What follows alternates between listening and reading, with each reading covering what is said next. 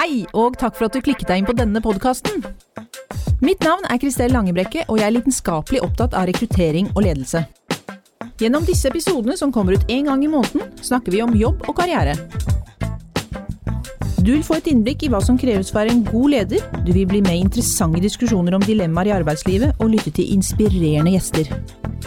Dette er rått og ekte, helt uten filter, og sammen med Hilde Lekven skal vi gi deg en god lytteropplevelse.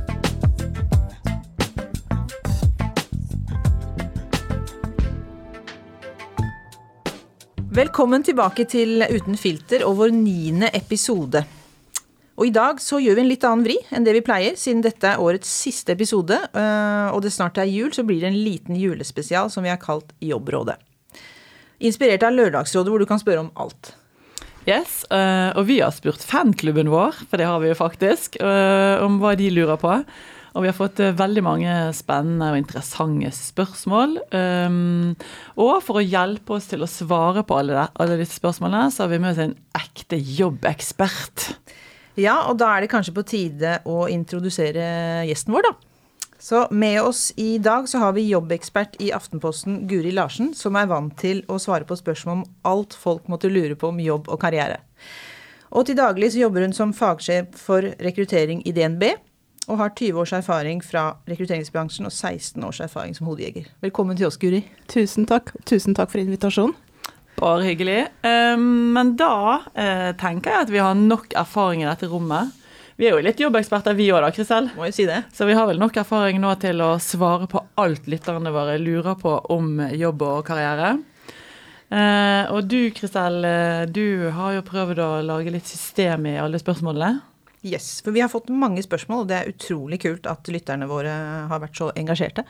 Så vi har prøvd å kategorisere litt for å gjøre det mest eller enkelt og oversiktlig for dere som lytter. Da. Så har vi delt spørsmålene inn i ulike temaer. Så jeg tenkte at vi kunne begynne med temaet altså det å være nyutdannet. Ja. For der har vi fått noen interessante spørsmål. Og det første spørsmålet det er lyder som følger. Hei, jeg studerer en bachelor i økonomi og administrasjon. Jeg er usikker på om jeg skal ta master eller søke jobb når jeg er ferdig nå til sommeren med bachelor. Vil dere vite, eller vet du hvilke muligheter jeg har med hensyn til jobb? Ah, godt spørsmål. Og det er sikkert et spørsmål som veldig mange sitter og lurer på der ute. Um, Bachelor er du, du, Det er helt klart at du kan få en god jobb med, med bachelor. Det høres ut som uh, på denne innsenderen at uh, vedkommende er litt usikker på hva som skal være spesialiseringen kanskje på en master. Og hvis det er det som er tilfellet, så vil jeg nesten anbefale å Ja, da kan det være greit å jobbe litt, altså finne ut hvor interessen uh, ligger og hva man er hvilken retning man ønsker å gå. Ikke sant? Fordi altså det, det, jeg ser også Vi har fått et annet spørsmål som, sa, som går sånn Hva er viktigst, eh, utdanning eller erfaring? Ah. Ikke sant? Så det henger jo litt sammen. Er det lurt kanskje å få litt arbeidserfaring? Eh? Eh, arbeidserfaring er alltid viktig. Eh, og det at du kan vise til at du, har, eh, at du kan håndtere arbeidslivet, er alltid veldig, veldig viktig når du skal ut og søke jobb. Så jeg tenker at det bør man prøve å skaffe seg. Heller det enn enn kanskje å ta hele utdannelsen i ett strekk. Mm. Med mindre man virkelig da bare vet at dette er den spesialiseringen, den retningen jeg ønsker å gå. Ja. Det jo, har jo vært mye snakk om den såkalte mastersyken nå, da. Altså mm. alle trenger jo ikke ta master. Nei. Altså En bachelor er jo også en god utdanning.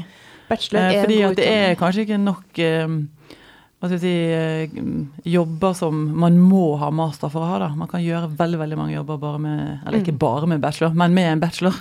Ja, og den bacheloren som denne eh, kandidaten har, er jo en veldig eh, brukende bachelor. En gr mm. brukende grunnutdanning som kan brukes i veldig mange ulike jobber. Mm. Ja, for Et annet spørsmål vi har fått inn fra, fra samme faktisk lytter, er jo hvilke forskjeller er det med henhold til jobbsøking for de som har bachelor, kontra de som har master? Det kommer litt, kanskje litt an på, på, hvilken jobb? Det er jo hvilken jobb det, det, kommer an på, helt klart. Det er noen stillinger som krever master, men, eh, men langt ifra alle. Så ja, det, det blir et veldig sånn vidt spørsmål mm. å svare på. Jeg tror vi kan slå fast at man kan komme langt med en bachelor. Helt enig. Og alle ja. må ikke ta master. Nei. Og hvis du tar en master, så må du på en måte vite at det mm. kreves i forhold til det den jobben eller det yrket du vil ha. da. Ja, du blir jo også veldig spesialisert når du har master. Mm. Eh, og Ønsker du å spesialisere deg, så er det jo den veien du kan gå. Ja. Mm. Og så kan man jo gjennom arbeidserfaring kanskje finne ut av hvilken retning man vil spesialisere seg. Absolutt. Yes, eh, ok. Eh, så er det da også et eh, annet spørsmål som går på hvilke råd har dere til de som er nylig ferdigutdannet og skal ut og søke sin første jobb? Den er jo Ja, det var også et veldig relevant spørsmål, også et stort spørsmål. Altså hvilke råd vi har til de som skal ut og søke jobb for første gang. Eh, jeg vil anta det at de som er nyutdanna, de har noe jobberfaring fra tidligere av, for det er ganske vanlig å jobbe ved siden av studier. Eh, så, så det vil jo være nyttig erfaring å ha med seg på, på veien videre. Men når du nå skal ut og søke din første jobb, så ja, få et godt overblikk over markedet, hvor jobbene finnes, uh, uh, hva du har tenkt å jobbe med. Prøv å holde hodet litt kaldt, kanskje, og søk det som faktisk interesserer deg, og det som vil være riktig i forhold til den karrieren som du har planlagt å ha. Mm. Men jeg tenker også at jeg har lyst til å gi et råd til de som holder på med utdanning. For det var litt det Guri var inne på innledningsvis. Det er jo at det er viktig, hvis man har kapasitet til det, å ha jobb underveis i utdanningen. Og, og gjerne relevant til det man studerer. Ja. Det å få en fot innenfor, eller få relevant erfaring, tror jeg er kjempeviktig. Så mm, hvis det er mulig, hvis du klarer det, så ville jeg prioritert eh, det. Å jobbe litt ved siden av eh, i en relevant jobb. Og hvis man ikke klarer det, jeg tenker på sånn Det er jo veldig positivt å se de som har startet tidlig kan du si, med deltidsjobb, kanskje gjerne allerede på videregående skole, ikke sant? Og, og du ser at her er det noen som, som tar ansvar og, og får seg arbeidserfaring og gode referanser for å få komme videre. Ja, det, det aller viktigste det er, altså som Hilde sier, hvis du klarer å skaffe deg jobberfaring som er relevant i forhold til det du studerer, så da, kommer du, da stiller du et hestehode foran alle de andre. Eh, og likeledes eh, så vil jeg si at all arbeidserfaring er relevant. Det er, Mm. Det er bedre med noe enn ingenting. Bra. Yes, eh, og da er det jo på en måte naturlig å begynne å snakke kanskje litt om søknaden. Eh, for da er det jo litt sånn, hva skal Det er mange som lurer på hva som skal stå i søknadsbrevet. Det er jo alltid sånn. Mm. det, det er jo Ja, du kan få lov å svare, Guri. Så. Ja, ja søknadsbrevet. Jeg, tenker, jeg tenker to ting når det gjelder søknadsbrevet. Eh, det ene eh, det er jo det at eh, søknadsbrevet det blir veldig mye diskutert i rekrutteringskretser i øyeblikket, fordi man lurer liksom på ok, hva er, vi, hva er det vi kan se gjennom et søknadsbrev? Og det vi ser gjennom et søknadsbrev, det er jo egentlig strengt tatt bare hvor flink kandidaten er til å skrive et søknadsbrev. Ja, riktig. Ja, for den søknadsbrevet har utspilt en sin rolle Ja. for lenge siden, tenker jeg. Det har det. også. For den har liten verdi, altså sånn. Ja. Det har liten sånn, eh, sånn faktaverdi, eller reell verdi, så har den veldig liten verdi. Men på den andre sida, så de som skal ansette, de er veldig glad i å lese søknadsbrev. Og det, vi må jo ikke glemme mottakeren av søknaden. Um, Men jeg må jo si at jeg ansetter jo mange, eh, og jeg eh, leser søknadsbrevet veldig sjelden, og i hvert fall så leser jeg det til slutt. Jeg leser først eh, eh, CV-en, og så kanskje googler jeg vedkommende, men det skal vi komme tilbake til kanskje. Og så, eh, hvis jeg har tid, hvis ikke det, så, så tar jeg søknadsbrevet. Og hvis søknadsbrevet er for langt, så, Ja, da, så det kan er det også som bli- oftest, og som oftest så står det jo, sånn som jeg opplever det, ehm, mye av det samme som står i CV-en, står i søknadsbrevet. Så, Ja, ja, og det, det det. det. har jeg, altså det skal vel ikke være en, en oppramsning og en oppsummering av CV-en? nei, helst ikke.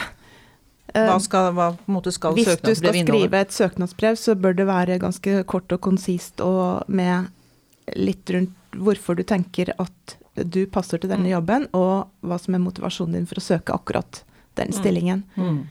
Eh, veldig mange skriver lange søknadsbrev, som Hilde sa. altså det Skriver side opp og side ned. Det virker mot sin hensikt. Så, så hold det kort og konsist i den grad du skal skrive søknadsbrev. Ja, for det, det kommer an på hvordan du søker. da. For Noen steder så går du inn på en portal, og så skal du bare laste ned eller fylle ut feltet. ikke sant? Andre steder så skal Fantastisk. du sende det på e-post.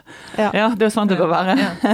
Men eh, hos noen skal du sende det på e-post, og da kan du like gjerne Du trenger ikke laste ned to dokumenter, da, ett søknadsbrev og én CV. Da tenker jeg da kan du skrive den teksten i søknadsbrevet i e-posten, og så legge ved CV. Ja, Det burde holde i lange, det- lange, baner. Ja, mer enn nok. Så vi oppfordrer folk til å kutte ut søknadsbrevene. Here, here. Det, er, det kan være nyttårsforsettet til alle jobbsøkere til neste år, kutt søknadsbrevet. Det, vi orker ikke lese de likevel.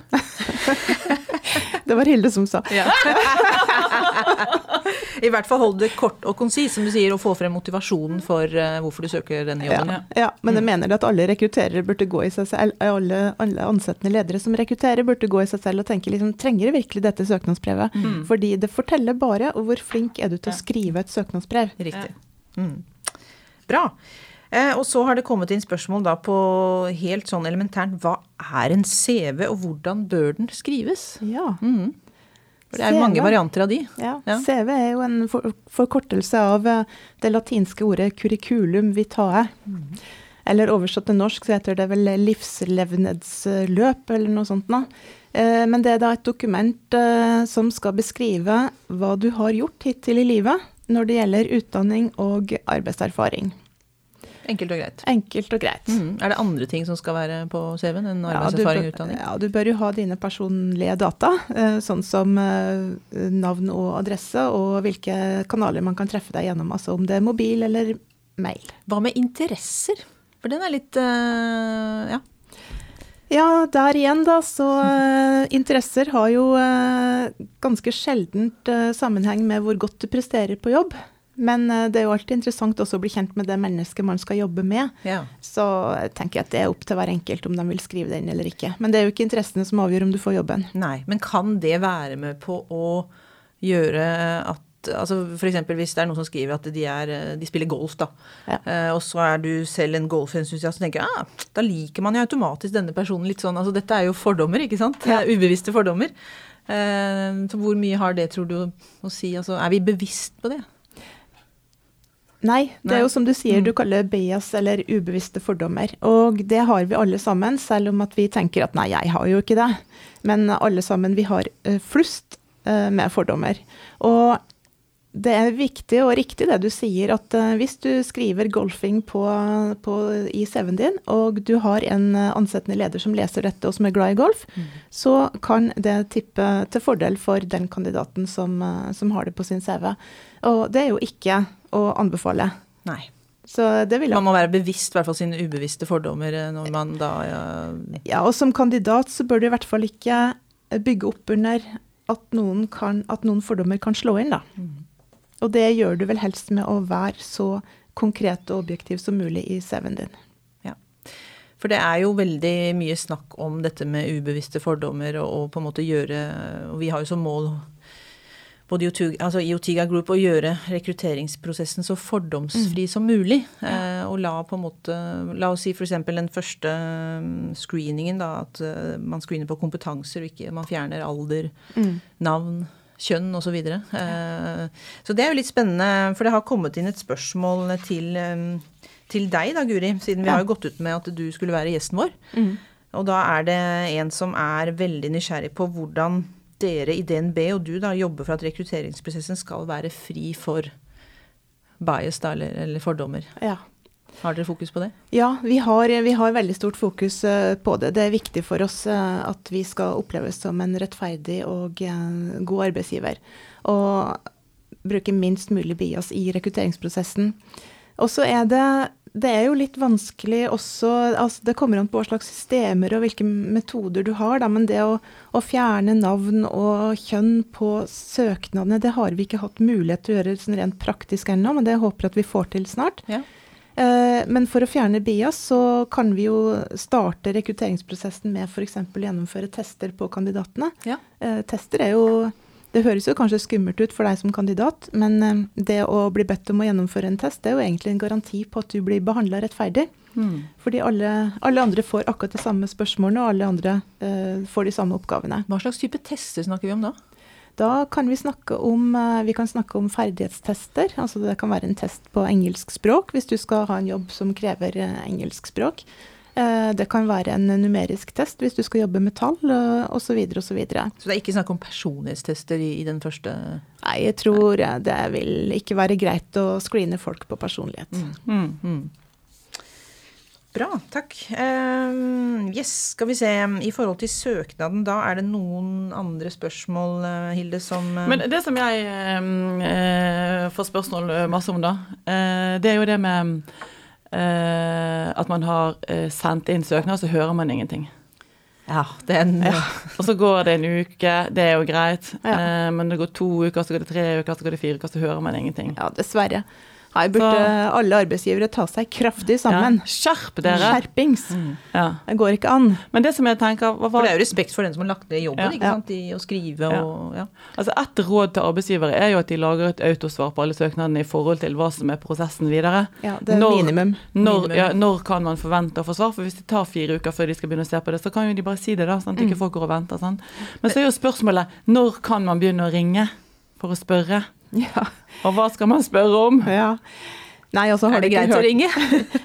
Ja, det syns jeg at det er. Eh, Det spørs jo hva du skal Altså, har du ikke hørt noe, fått noe respons på søknaden din, så er det helt betimelig å ringe og spørre og sjekke har du mottatt søknaden min. Mm. Eh, Da trenger du egentlig ikke ha så veldig mange andre- spørsmål på lur. Jeg Mm. syns det at man Mm. fortjener å få et svar. Mm. I hvert fall sjekke. Mm. For det kan jo ha skjedd at søknaden har havnet et annet sted, eller Mm. at det har skjedd en feil underveis, Mm. da. Så nei, men det er bare å ringe. Men så er det også sånn da, at eh, det har, vår bransje, Mm. eh, altså rekrutteringsbransjen og bemanningsbransjen, har jo fått veldig veldig mye kritikk fordi at folk ikke eh, blir kalt inn til intervju, eller de blir ikke kontaktet etter Mm. de har søkt. De får et svar der det står at aktuelle søkere blir, blir kontaktet. Men det må jeg også bare si til forsvar for bransjen vår, da. Fordi at når man, gjerne, når man får 1500 søkere i uken f.eks. på ulike stillinger, så har man ikke kapasitet til å kontakte alle. Da vil de få et sånt Mm. automatisk avslag, de som ikke har gått gjennom den første screeningprosessen. Og det tror jeg bare vi må fastslå at sånn, sånn blir det. For vi, vi har ikke tid til å snakke med alle. Nei.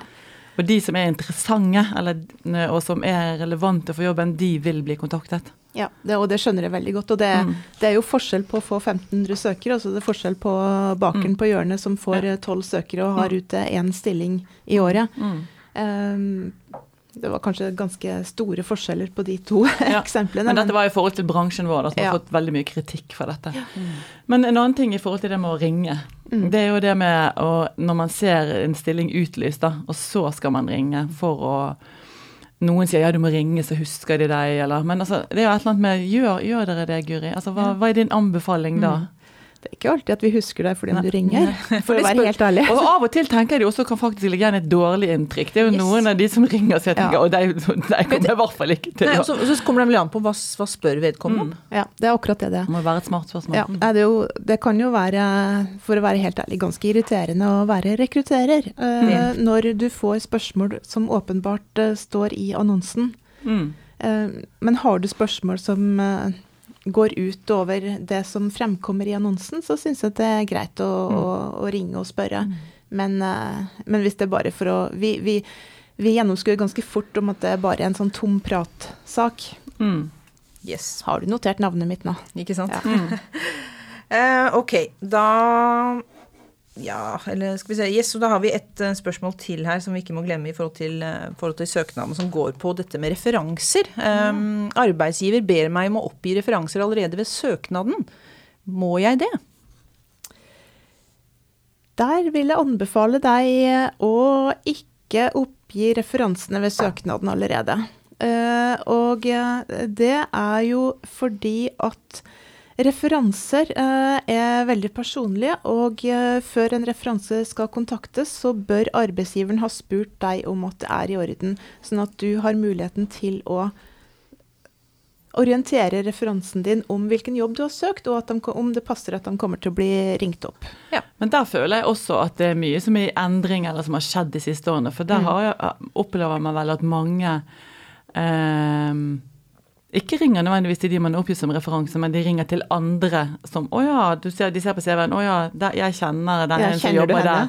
Ja. Eh, sant? Og kjenner du henne? Altså man, man, man ringer til referanser som ikke er oppgitt. Mm. Hva syns du om det? Nei, det syns Uten å jeg ikke noe om. Ja. Nei, det Nei. syns jeg ikke Men- noe om. Det, Men da er vi jo litt da er vi jo litt tilbake til det med at referansen egentlig ikke har noen verdi. Mm. For oss som rekrutterer, så har ikke referansen en verdi. Man kan bruke de kanskje for å bekrefte det inntrykket man har fått. da. Ja, det altså, hvis at referansen skal ha noen verdi, så, så må du jo gjøre et godt referanseintervju. Eh, og så må du sjekke ut ting som du har spørsmålstegn ved etter Mm. intervjurundene. Mm. Um, som regel så bruker jo folk flest referansene bare til å få bekrefta sine inntrykk, og ikke til å spørre kritiske spørsmål eller å få ytterligere informasjon. Da. Så alt her avhenger av hva du bruker referanseintervjuet til, og Mm. hvor god du er til å sjekke referanser. Mm. Flott. Yes, men da skal vi altså ikke sette referanser på Nei, så oppgis ved forespørsel på forespørsel. Ja, jeg ville ha gjort det, fordi at du vet aldri hvem som leser den eh, CV-en, og noen ganger så bare kaster de seg over telefonen og ringer før de faktisk har møtt deg. Og Ja. det, er, det er jo ikke ok overfor referansen som ikke er forberedt på at den telefonen kommer, og det er ikke ålreit for deg som søker. Nei. Yes, og da er vi over på da neste steg i en, jobbprosess, og dette med intervju, å bli kalt inn til eh, intervju. Ehm, og da er det jo noen som, eh, som skriver til oss eh, Jeg er invitert til intervju. Hjelp.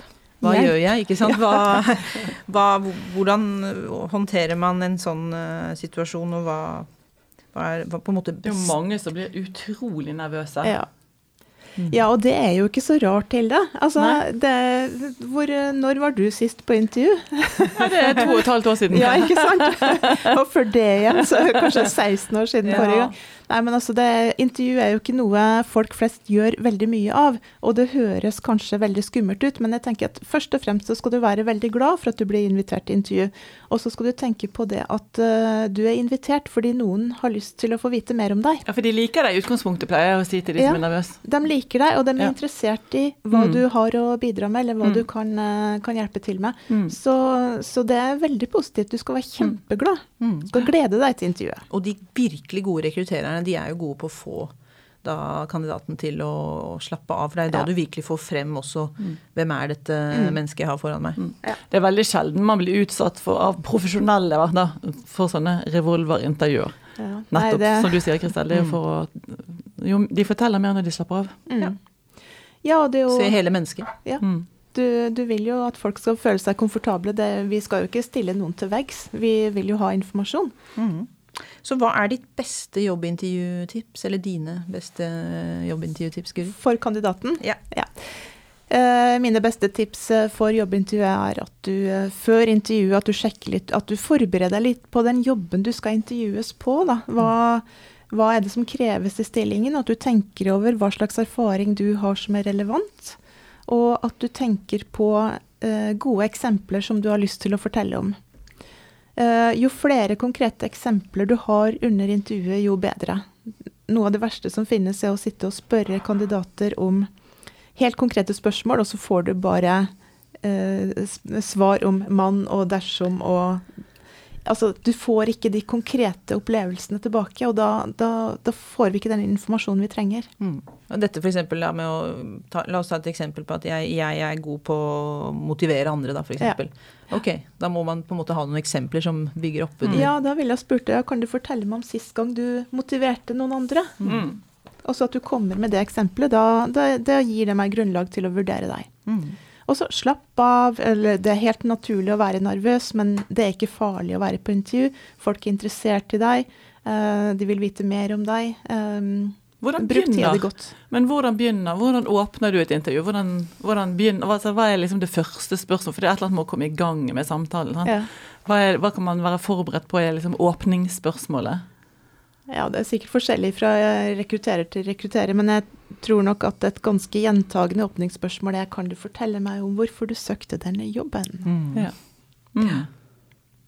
Så man må jo tenke igjennom disse tingene. Ja. Eh, så da er tips altså forberedelse. Og, Ja. og, og å ha gode, konkrete eksempler på, eh, på erfaring og hvorfor man er motivert og Ja. Og ikke, kom, ikke, ikke si at 'jeg er flink til å motivere andre' uten å komme med eksempler. Ikke Mm. si at eh, 'jeg er samvittighetsfull' uten å fortelle om hvordan du jobber når du er samvittighetsfull. Altså, bygg opp under det du sier. Men når du forbereder deg, så er det også lov å ha med seg CV-en og ha litt notater og, og litt sånne ting. At, ja, Jeg blir alltid glad jeg når folk, Folk- kommer på ja. intervju og har med seg papirer, eller Ja. har med seg notater. Ja. Eh, og så blir det alltid Mm. Kanskje tenke litt sånn Jøss, tar du så lett på det. Altså, hvis, hvis, du kommer ikke har helt uten ja, noen ting. Nemlig, helt enig. Ja. Men hva Mm. med noe som jeg tror veldig mange bruker tid på, altså dette med ehm, det du Dine positive si, egenskaper og dine mindre gode. Ja. Eller forbedringsområder, vi kan Ja. kalle det. Ja, det Ja, det er jo sånt man lærer da, vet du, at det må du eh, forberede til intervjuet. Mm. Eh, og, For det er alltid eh, noe som man blir spurt om, som regel. Jeg har inntrykk av at det blir du spurt om, enten i en eller annen form, da. Du kan bli spurt om, om positive og negative egenskaper, og du kan bli spurt litt sånn lurespørsmål om Ja, hvis jeg spurte hvis jeg spurte sjefen din, Kristel, hva ville hun sagt var eh, dine sterkeste egenskaper? Da blir du kanskje satt litt ut og må tenke litt annerledes, for da tenker du på Hilde. Ja. Mm. Mm. Ok. Skal vi ta det? Skal vi ta det? Siden det ikke går på negative, så er det greit. Nei da. Ja, men jeg tenker rekrutterere er- de er jo kanskje ikke nødvendigvis så interessert i å, å vite hva du svarer, men at du svarer. Fordi det handler litt om, eh, om eh, hvor eh, moden du er, eller hvor, eh, hvor selvreflektert du er. Mm. Selvinnsikt, ja. Ja. Det er viktig. Men det var en, eh, det var en headhunter som sa til meg en gang Jeg er så lei av alle de som sier på, på at hvilke forbedringsområder man har. da. At Alle de som sier at de er så utålmodige. Ja. Og det sier alle. Ja. Gjør de det? Ja, de alle gjør sier det. de er utålmodige. Alle For det kan det være positivt. Eller? ja, for det er liksom en negativ ting som kan være positivt. på en Ja. måte. Ja. Mm. Ja. Mm. Ja, for det er jo også noe da er Altså disse forbedringsområdene. Uh, man må jo på en måte være litt smart, eh, regner jeg med, i forhold til hva man svarer. Uh, eller hvordan Du blir det- avslørt, vet Ja. du. Men uh, vi har nå lært mye om våre forbedringspotensialer i det siste, Ja. Kristel, har vi ikke det? Jo, det har vi vi har gått noen runder med selvransakelse her på slutten av året. Ja, det gjør vel alle. Ja, nei, men altså, alle har jo forbedringsområder, og alle Mm. har forbedringsområder til enhver tid. Og Mm. det som er sterke sider, kan også tippe over til å bli eh, utfordringer. Så mm, vi skal være bevisst på hvordan vi opptrer. Og, Flipsiden. Mm, Mm. Ja, Det har vi også lært mye om. Ja. Og så kommer det vel an på hvilken jobb man søker. Absolutt. Ja. Flott. Eh, I forhold til eh, intervju da, og, og dette å bli kalt altså blir, Et annet spørsmål er jo blir man googlet av potensielle arbeidsgivere? Googler du kandidatene, Guri? Eller dere? Sjeldent, for å være helt ærlig. ja. Nei, altså Google bruker vi kanskje ikke så mye, men vi bruker LinkedIn og en del andre, andre, andre kanaler. da. Eh, og det kommer også an på hva slags stilling du søker. Selvfølgelig. Ja, for, men så tror jeg det er stor forskjell på liksom profesjonelle rekrutterere, sånn som deg og, og, rek- bransjen vår. Mm. Vi har ikke tid å, å google alle som søker via Nei. oss og sånn, men det er jo klart at de som ja, eh, i mindre bedrifter som ikke, ikke gjør så mange rekrutteringer, da, så gjerne gjør et par i året selv, de tror jeg er mer eh, Ja, tilbøyelig til å, til å google. Til å google, ja. Ja. Google er et fantastisk verktøy. Mm. Kommer kanskje an på generasjonen også, jeg vet ikke. Ja, jeg, ja, jeg tror at det var mer, var mer vanlig for eh, liksom sånn fem-ti år tilbake. Jeg tror ikke at det er så vanlig nå i dag. Men du, et annet tema i forhold til det da, Guri, Mm. det som vi egentlig har diskutert eh, tidligere, det er jo det med Ja, hvis det ligger noe, da. Avslørende på, på, på, på sosiale medier som du gjerne skulle blitt kvitt, eller eller yeah. du har vært med på et eller annet X on the beach eller Paradise Mm. Hotel eller et eller annet som uh, du gjerne skulle Ja. strøket fra historien din. Ja. Hva gjør man da? Ja, hva gjør man da? Nå har jo ikke jeg så mye erfaring med Ex on the Beach eller, eller Paradise.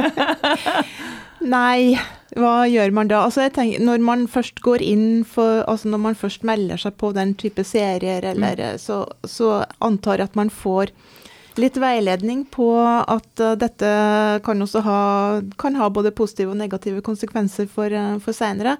Men jeg, sånn generelt så tenker jeg jo det at det folk gjør i ungdommen, eller altså alle har jo Det er vel ingen av oss som ikke har gjort ting som vi angrer på i etterkant. Nei, det er helt sikkert. Så det er jo vi, vi som er liksom er kommet eh, så langt i, eh, i alder som meg, vi er jo heldige, for det ligger jo ikke noe data på oss ifra da vi var unge. Men eh, jeg tror det at eh, arbeidsgivere skal også se på det med en eh, klype salt, og ikke, Ja. ikke, ikke, ikke vurdere kandidater på, på den type informasjon, da. Nei, Du kan jo være en veldig dyktig Altså det som er viktig, er jo at du er god til at du kan levere gode prestasjoner på jobb, og ikke hva du har gjort på fritid eller hva du har gjort i ungdommen. Mm. Mm. Ja, men det var sikkert lettelse å høre for mange. Ja, Oss håper det. inkludert. Eh, yes, vi, vi, Du nevnte jo LinkedIn, Guri. Eh, Ja. Jeg ser det har kommet inn et eh, spørsmål som uh, lyder som følger. Hvor viktig er LinkedIn i dag, og tror du slike plattformer blir enda viktigere i fremtiden? LinkedIn er superviktig, folkens. Du må ha en profil på LinkedIn hvis du eh, er ute etter å enten å søke ny jobb eller vil ha en karriere, vil, vil være en person som kommer opp på søk, og som kommer opp når profesjonelle rekrutterere som oss leiter etter spesiell kompetanse. Riktig. Eh, For det handler det da Altså gjelder dette alle bransjer og sektorer, eller tenker du liksom Det gjelder alle store aktører. Ja. Mm. Gjør Men så har jeg lest et sted at det er noen eh, sånne jobbeksperter som deg, da, Guri, Mm. sier eh, gjør deg søkbar på LinkedIn. Ja. Mm. Eh, hvor, kan man bli mer søkbar enn bare å legge inn CV-en sin? Ja, det kan man bli. Eh, det finnes en, eh, en knapp, eh, en, en knapp Ja. faktisk, på din LinkedIn-profil hvor du kan eh, si at eh, du vil at CV-en din skal være eh, søkbar for rekrutterere. Ja. Ja. Da vil den komme Altså, vi som jobber med rekruttering, vi har, vi har mer informasjon Altså, vi har tilgang på mer i LinkedIn enn du, du som kandidat har. Vi kan nemlig sette opp søk. Vi kan søke etter spesiell kompetanse. Vi kan sette opp uh, søk som gjelder både erfaring og hvor du har jobba tidligere, og eh, hva slags utdannelse du har. Sånn at vi lager rett og slett målretta søk og får opp en liste over kandidater som tilfredsstiller, eller som matcher det her. Da. Mm. Og med, på den listen, med den som utgangspunkt, så kan vi begynne å ta kontakt eh, med, med de kandidatene som ser mest relevante ut. Men det betyr jo at man bør ha en del nøkkelord. da, så Det hjelper ikke bare å skrive hvilken stilling man har hatt. Eh, Nei. for, eks- eh, eh, markedssjef. Mm. Da bør man kanskje um, bruke de fritekstfeltene til å skrive litt sånn konkrete ting på hva man er god på da, Absolutt. innen markedsføring. Ja. For å bli mer søkbar. Ja. Har du CRM-erfaring eller eh, Ja. Ja, liksom, Hvor viktig? Ja. er det å på en måte bruke hele LinkedIn-profilen sin fullt ut? Det er kjempeviktig. Du må bruke alt. Mm. Uh, hver uh, Ja, det, det er veldig viktig. Du må skrive inn uh, egentlig alt. For, eh, for kan- dette kommer opp på søk. Riktig. Og, og man kan jo også gi eh, referanser på LinkedIn. Det kan du gjøre. Hvor viktig er det, eller er det avgjørende i forhold til eh, Det er vel ikke avgjørende, men eh, det er jo alltid fint hvis at du kan be en tidligere arbeidsgiver om å gi en referanse, eller en tidligere kunde eller en tidligere kollega, så vil det ligge på profilen din. Bra. Ok, Så oppsummert, altså viktig å ta seg tid til å, å, å gjøre en god eh, LinkedIn-profil. Ja, bruk litt tid på det. Ja, og gjør deg søkbar. Mm. Mm. Da er vi jo egentlig over på dette temaet med, som går på ansettelse. Ja. Eh, og da har det kommet inn et spørsmål. Min nye arbeidsgiver gjennomfører bakgrunnssjekk. Hva er det, og bør jeg være engstelig? Uh, ja. Bakgrunnssjekk, det er skumle saker. det høres jo litt Det høres veldig skummelt ut. Nei da, det, det er ikke veldig skummelt. Men eh, en, del, eh, en del større bedrifter som f.eks. DNB, eh, skal du ha jobb i DNB, så, så får du ikke det før bakgrunnssjekken er gjennomført.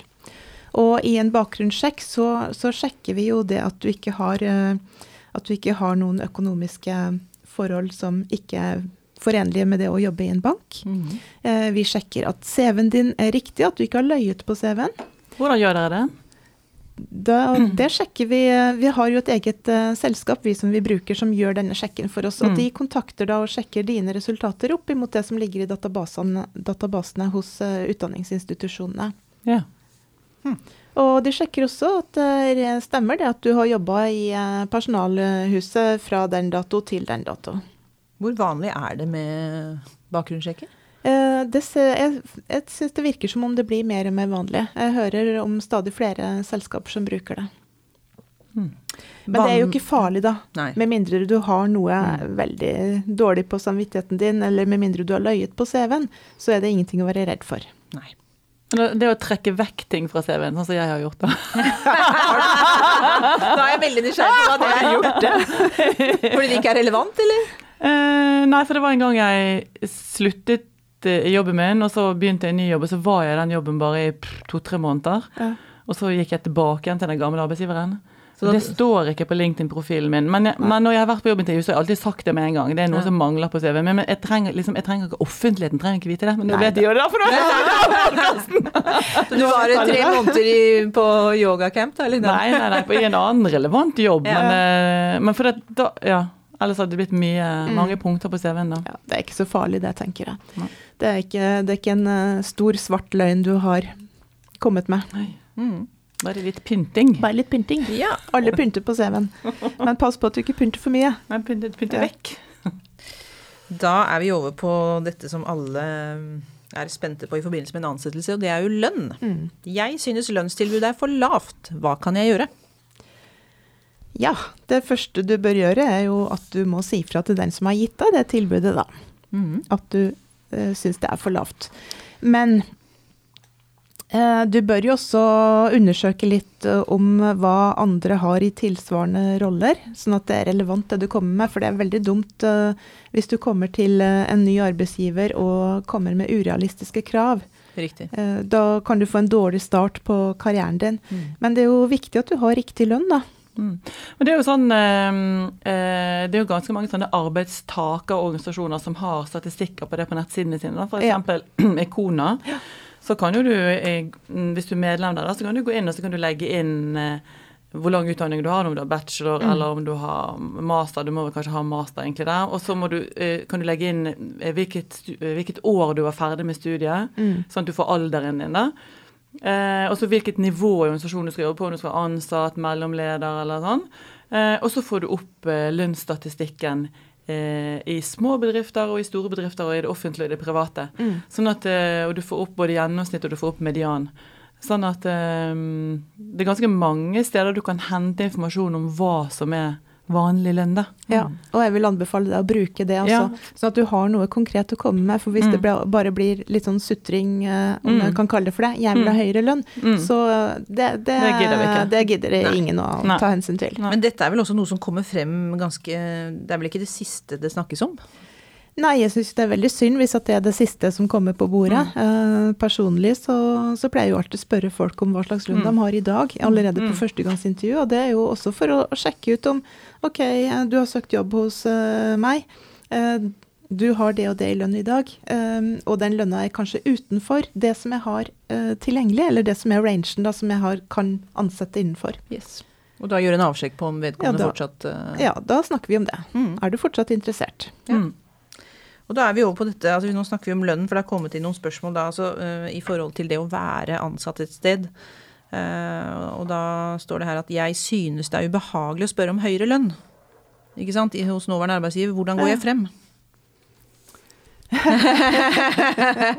Ja, da må du trene. Ja, Da må du trene foran speilet hjemme. for da må man jo ha Ja, nei, Det, Det vel- det kan ikke bli sutring. jeg tror ikke at det er noen som syns at det, oi, det er kjempegøy å diskutere lønn med arbeidsgiver.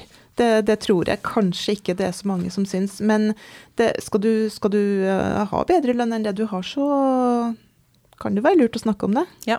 Altså, det er jo, det er jo, hvis du har en god sjef, da, så har de jo kanskje en form for medarbeidersamtale med Mm. deg, eller en eller annen samtale i løpet av året. Det kan jo være et naturlig tidspunkt å ta det opp. Og så er jo det mange bedrifter som har spesielle perioder på året hvor de regulerer lønna. Noen gjør det 1. januar, noen gjør det 1. april, noen gjør det 1. mai. Sånn at, um, at det er naturlig kanskje å, å ta det opp litt i forkant av det, da, hvis man har forventninger. Og hvis man har en god arbeidsgiver, så har jo de lønnssamtale med sine ansatte hvert år. Ja. Selv om man får mer lønn eller ikke. Og noen har jo bestemt at det er en viss prosent som alle skal Mm. reguleres, mens andre er det individuelle reguleringer. Ja, nei, og så bør du jo som en forberedelse til de lønnssamtalene, så bør du jo sette ned en liten liste for deg sjøl på hva du har oppnådd i året Mm. som har gått. Altså Yes, hva er det du har fått til? Hva, hva er det du er stolt av å ha skapt? Mm. Jeg har jo hatt noen sånne samtaler med, med ansatte tidligere. Og, altså, noen har jo vært utrolig godt forberedt og har veldig gode argumenter. Mm. Mm. tenker jeg ok, ja, jeg, jeg, må si at jeg, jeg må si at jeg er på en måte er enig. enig, faktisk. Eh, Så det å forberede seg godt, eh, og som du sier, resultater er oppnådd. Ja, og det, jo, det kan jo være at lederen har veldig mange medarbeidere, og selvfølgelig en god leder følger jo med på hva som skjer, ikke sant? men det er jo ikke alt man får med seg heller, så det, det kan være lurt å i hvert fall eh, komme til, bringe til torgs det du mener selv du har, eh, har, har prestert. da. Mm. Yes, vi nærmer oss slutten egentlig, men vi har et tema som på en måte Jeg valgte å, å Altså, jeg har ikke noe sånn rent um, Rent, hva skal jeg si uh, Du har ikke noen spørsmål? Jo, jeg har mange spørsmål, men jeg visste ikke helt hvordan jeg skulle kategorisere de. Så jeg uh, har samlet opp en del spørsmål, da. Fordi jeg syns noen av de var relevante, og jeg tenkte at um, de må vi få svar på. Ja. Uh, og det, um, Det ene er jo da eh, hvor ærlig kan og bør egentlig en medarbeider være i medarbeidersamtalen? Ja, og hva da, tenker du? Om, Det det, det om, man, liksom, om man ikke trives, eller om man syns kollegaen er dritt, eller Ja, om man syns sjefen sjefen, er dårlig leder. ja. Nei, det trenger du ikke sikkert. Nei, altså Medarbeidersamtalen er jo den samtalen hvor du har, eh, hvor du har muligheten til å bringe dine saker til torgs. da, og Hvis at det er sånn at du er veldig misfornøyd eller har ting som ikke fungerer, så bør du jo si fra om det, men du kan jo kanskje tenke over på forhånd og hvordan, du, hvordan du legger det frem. da, At det ikke blir sånn sutring, men at det blir eh, konkrete Men forslag. Ja, Men nå har vi jo lagt ned eh, søknadsbrevet her Ja, det har vi. i, i denne podkasten, så nå Ja. slutt på, på søknadsbrevet. Det er gammeldags. Men jeg syns jo også at medarbeidersamtaler er gammeldags. Det å snakke med folk en gang i året, det er ikke godt nok. Og det har vi snakket Jeg om før. ja, sant? Og jeg tenker at man, de der samtalene må jo være løpende jevnlig, sånn at det ikke Ja. blir noen overraskelser en gang i året om at eh, du skal gå og vente et helt år på å få vite om sjefen er fornøyd med deg eller misfornøyd med deg. Ja, det det var egentlig latterlig. Det må jeg bare gi et eksempel, fordi Ja. eh, Hilde og jeg hadde en, en um, statussamtale. Mm. Eh, statuslunsj kalte hun meg inn til her for Ja. et par uker siden, og så begynner vi å snakke om alt mulig, og så sier jeg men nå Christian, nå skal vi snakke om deg. Så jeg, men det gjør vi jo hele Altså vi snakker jo sammen hele tiden. Mm. Vi trenger ikke å ha en sånn formell medarbeidersamtale. Nei. Eh, jeg er i hvert fall mye mer fan av de der hyppige små pratene, da. Ja. Men det er derfor jeg tenker at man skal ikke gå og vente og vente og vente til sjefen kaller deg inn, hvis det er noe du eh, kunne tenke deg å endre på. Nei. Da må du på en måte heller ta initiativ til en femminutters kaffeprat og si du, det er et par ting jeg har tenkt på. Og der har Eh, man jo og det som tror jeg sjefer flest er, blir veldig glad for, at man viser den, eh, Ja. det engasjementet. da. Ja. Og så tenker jeg det er alle vi Altså vi har jo et ansvar for å si ifra. Mm. Vi har jo det. Vi har jo ansvar for vårt eget liv. Yes. Så- Man kan For at vi skal ha det bra, så da ja. Ja. Sjefen kan ikke lese tankene dine. Nei. Du må på en måte komme ut og fortelle hva du tenker og mener. Mm. Mm. Eh, Og da er vi jo litt inne på, siden vi snakker om sjefen, så er det et spørsmål her. Sje- Sjefen ser meg ikke. Hvordan går jeg frem? Mm, det er jo kanskje det å ta en prat. På det. ja. ja, ta på deg julenissegenser. Mm. Nei.